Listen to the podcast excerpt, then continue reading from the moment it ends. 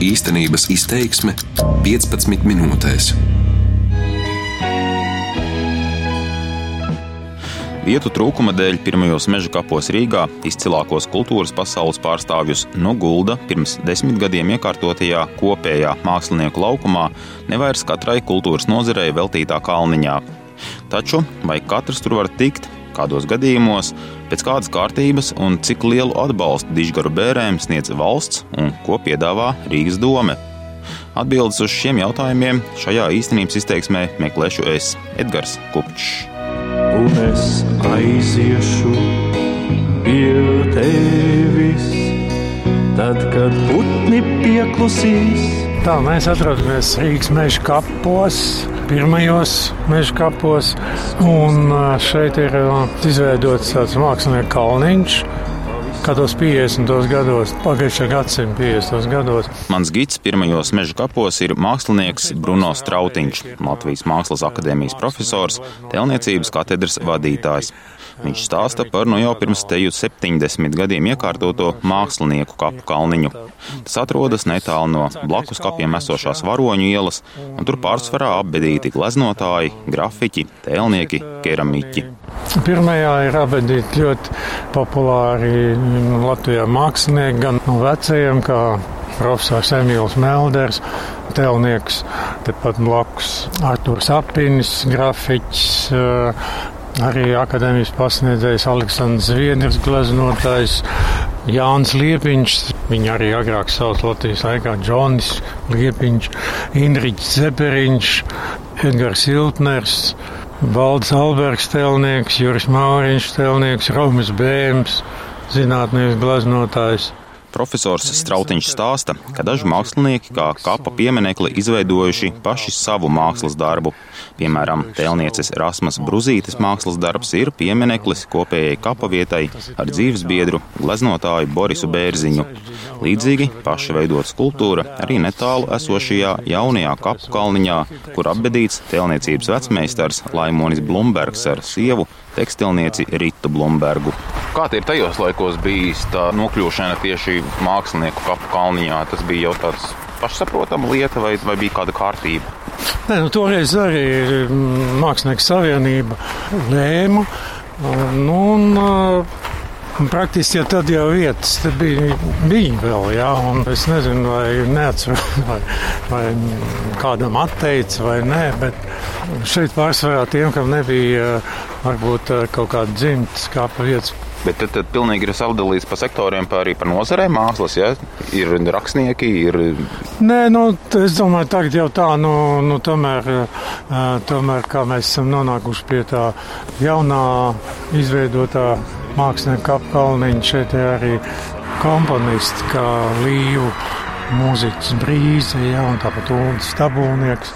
Ah, un Matvējevs arī blakus. Tā kā viss trīs tādā netālu viens no otra kaut kā, nu vai nu liktenīgi vai ar nodomu tā izveidojusies tāda kopīga viņiem tāda. Neskumsti un nebēdājies, tas būs drīz, pavisam drīz par komponistu Ulu Stabulnieku aiziešanu. Brīdī, kad šis mūsu skatuves dižgars devās viņa saulē, kultūras ministrija piešķīra 242 latus viņa kremēšanai, bet nepiešķīra nevienu santīm, toreiz vēl pašu bērnu organizēšanai un guldīšanai zemesklēpī. Ģimenes materiālo apsvērumu dēļ ģimene bija pieņēmusi lēmumu guldīt viņu ļoti nelielos kapos ārpus Rīgas. Ulda Stabulnieka atvadu rīkotājs, mūzikas producents Juris Millers stāsta, ka gan viņš, gan Stabulnieka draugi uzskatījuši, komponists ir pelnījis atdusēties mākslinieku kapu kalniņā. Tad Millers pirmoreiz sastapies ar birokrātiskajiem procesiem un, kā pats saka, mašinēriju Krieviju, lai saņemtu atļauju kapavietas iegādēji. Turklāt šokēts bijis par izmaksām. Galu galā tas kopējais rēķins, ko mums piestādīja Rīgas doma, bija ļoti tūs 900 latu, kas manā skatījumā daudzu kultūras cilvēku vai teiksim, izcilu kultūras personību mūža nogalē ir faktiski nu, gandrīz nepaceļama summa. Un ja toreiz mēs nebūtu sākuši organizēt koncertu Uldas Tabulnieku piemiņai, un e, šis koncerts nebūtu ienesis šos līdzekļus, no kuriem bija iespējams nomaksāt šos rēķinus, tad es pieļauju, ka Uldas Tabulnieks neadusētos līdzās saviem skatuves kolēģiem un draugiem, bet uh, vientuļš būtu apbedīts kādos provinciālos kapos. Tajā brīdī, kad es vērsos pie kultūras ministrijas ar jautājumu, vai ir iespēja nodrošināt kapavietas iegādi mākslinieku kalniņā, tad atskanēja atbildi nē, jo tam nav paredzēta nekāda līdzekļa. Rīgas doma arī bez maksas eh, nepiekrīt piešķirt eh, kapavietu, jo to aizliedzot pašvaldības saistošie noteikumi. Rīgas domas saistošie noteikumi tiešām neparedz bezmaksas pakalpojumus gadījumos, kad jāapbedī kāds īpašs kultūras pasaules cilvēks. Kapavieta, atkarībā no tajā ietilpstošo vietu skaita, izmaksā līdz teju 900 eiro, vēl ap 100 un vairāk eiro salasās par sveču izmantošanu, skujām uz takas, dvieļu lietošanu, bedres rakšanu, zārku nolaišanu un citiem pakalpojumiem. Tomēr par privilēģiju gan uzskatāma iespēja tikt pie kapa vietas pirmajos meža kapos, kas ir daļai slēgta kapsēta un kur pārējie rīznieki var atdusēties tikai tad, ja jau vēsturiski ir ierādīta ģimenes kapa vieta, stāsta Rīgas domas kapsētu pārvaldes priekšnieks Gins Zēla. Neko Rīgas doma neuzsauc un nesadz šajos gadījumos. Rīgas doma vienkārši pieņem atšķirībā no citām personām iedzīvotājiem, kas vēršās. Šādiem iedzīvotājiem ir iespēja saņemt to kapa vietu pirmās meža kapos, neatkarīgi no tā, vai viņam šeit arī gadījumā, ja nav ģimenes kapa vietas. Un tad cilvēks nomest un atnāk bērnu rīkotāju un saka, ka viņš ir bijis mākslinieks, mūziķis, aktieris, nāk ar attiecīgi arī iesniegumu, kur viņam ir no attiecīgās savienības atbalsta vēstule par to, ka viņš kā mūziķis, aktieris vai komponists būtu pelnījis to, ka viņš tiek abadīts. Jaunais mākslinieku kapu kalniņš tika paplašināts pirms desmit gadiem, kad Rīgas doma tam piešķīra 60 tūkstošus latu, jeb 85 tūkstošus eiro. Kā atceras meža kapsētas pārziņa palīgs Jānis Salinieks, savulaik pašreizējā uzkalniņa vietā bijusi dzīvojama māja, kas nojaukta, grūži aizvesti, vietā uzbarot grunti. Teritorija gan ir ierobežota, tādēļ, kā minēju iepriekš, no visas kultūras nozares ir vienu vietu. Tāpēc viņš ir mākslinieku laukums, nevis konkrēti tēlnieki vai, vai grafiķi vai ārsti. Nu, tad viss ir kopā. Nu, čelis, tepatās ir garanča, ja, gleznotājs blakus. Nu, tā viņš ir vai valsts kaut kādā veidā palīdz kapu uzturēšanā? Līdz šim valsts mums nav nekādā veidā palīdzējusi šiem Latvijai svarīgiem, nozīmīgiem cilvēkiem, lai šo vietu kaut kā labi iekārtot, uzturētu. Vajadzētu no valsts kaut kādu naudu? Noteikti, ka vajadzētu ne tikai šajos gadījumos, bet arī šajos valstī nozīmīgo cilvēku pieminekļu atjaunošanai. Mums tuvojās simtgadi un čaktas pieminekļu tīrīšanai. Pašvaldība arī tikai no savas puses paredz finansējumu priekš tā pieminekļa notīrīšanas, jo viņš ar katru gadu, kā, kā viss Latvijā, paliek zaļš un viņš ir jātīra, lai viņš neaiziet postā. Valsts no savas puses šajā gadījumā nu, kādu atbalstu nav veikusi. Lai gan kultūras ministrija sarunai par dižgaru bēru izdevumu sekšanu piekrīt, vēl pirms intervijas nojaušams, ka par kapu lietām ierēģiem runāt gribas nevisai. Pa pusēji maiticīgā garā saņemu norādes, ka ikreiz, kad tikai jāparunā par budžeta naudu bērēm, kāds tiešām nomirstot. Arī sarunas dienā ministrijā nonākusi kārtējā sēru vēsts par aizgājēju mākslas pasaulē. Kultūra politikas departamenta nozaru politikas nodaļas vadītāja Iluta Treja saka, kultūras cilvēku apbedīšanai naudu dod, taču noteiktas kārtības tam nav. Lēmumu par atbalstu sniegšanu kultūras ministrijā pieņem valsts budžeta apakšprogrammas, kultūras pasākumi, sadarbības līguma un programmas finanšu līdzekļu sadalījuma komisija. Pieejamais finansējums ir sadaļā reprezentācijas un citi neparedzēti izdevumi. Komisija, protams, izvērtē attiecīgās personības ieguldījumu Latvijas kultūras mantojuma veidošanā un kopšanā Nu, un tiek izvērtēts arī iespējamais atbalsta apmērs. Kas te ir par komisiju? Tā ir finanšu līdzekļu sadales komisija. Bet tā ir tāda naudas sadales komisija, kas izšķirās vai, kam, cik daudz atbalsta piešķirt. Bieži vien ir tā, ka komisija vēl lūdz, mums ir nozara speciālisti un lūdz šim speciālistam sniegt savu izvērtējumu. Nu, nav tā kā viens telefona zvans un uzreiz mēs eh, piešķiram kaut kādu nebūtu naudas summu. Nē, nu, bet tas, protams, tiek darīts operatīvi, kā mēs zinām šādos gadījumos. Producents Juris Millers domā, ka ar operativitāti vien ir par maz kāpēc joprojām valstiskā līmenī nav izstrādāta stratēģija un nav izstrādāti šie kritēriji, pēc kuriem nepārprotami būtu skaidrs, kāpēc Uldim Stabulniekam piešķir valsts 242 latus, bet eh, Imanta Ziedoņa aiziešanas gadījumā tie bija gandrīz 20 tūkstoši.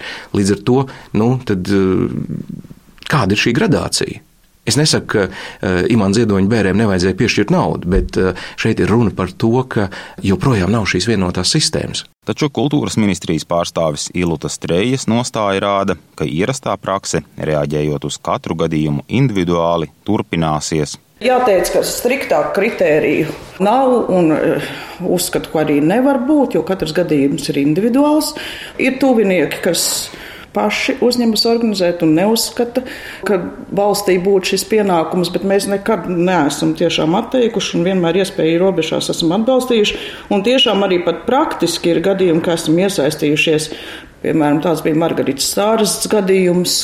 Un tad mēs no kultūras ministrijas puses uzrunājām Dēls teātri, mazo zāli, tad ar sadarbībā ar Dēls teātri un viņu māksliniekiem mēs veidojam šo atvadīšanās ceremoniju. Par esošo kārtību pretenzija nav rakstnieku savienībai. Tās vadītājs Arno Junze gan ieskicēja citas problēmas.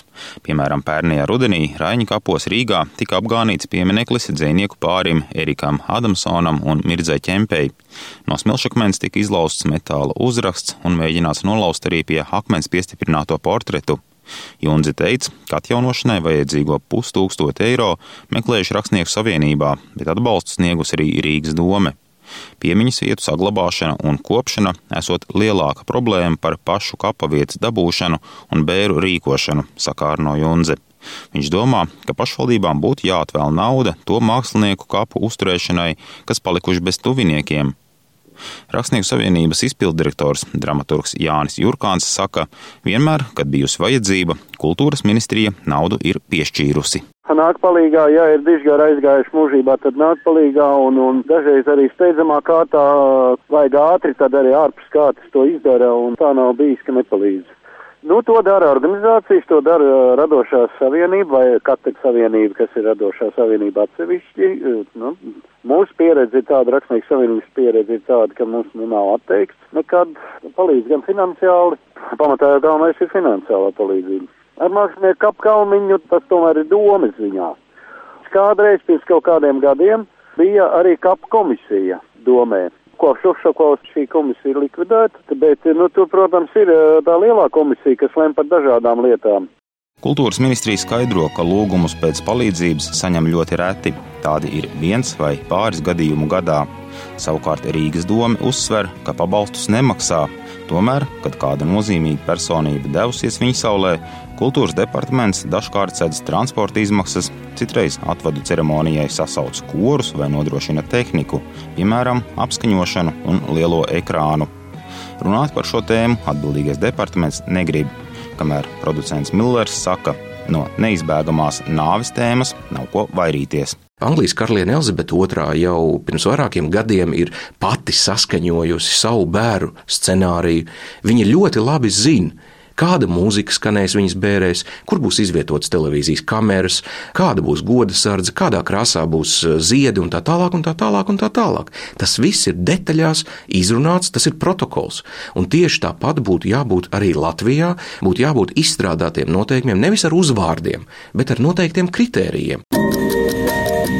Var gan saprast valsts nevēlēšanos radīt vienotu kārtību dižgaru bēru izmaksu sekšanai, jo līdz šim likumdevējs ar vienu nav ieviesis pat pamata likumus un noteikumus vispārējiem apbedīšanas gadījumiem un kapu saimniecību uzturēšanai.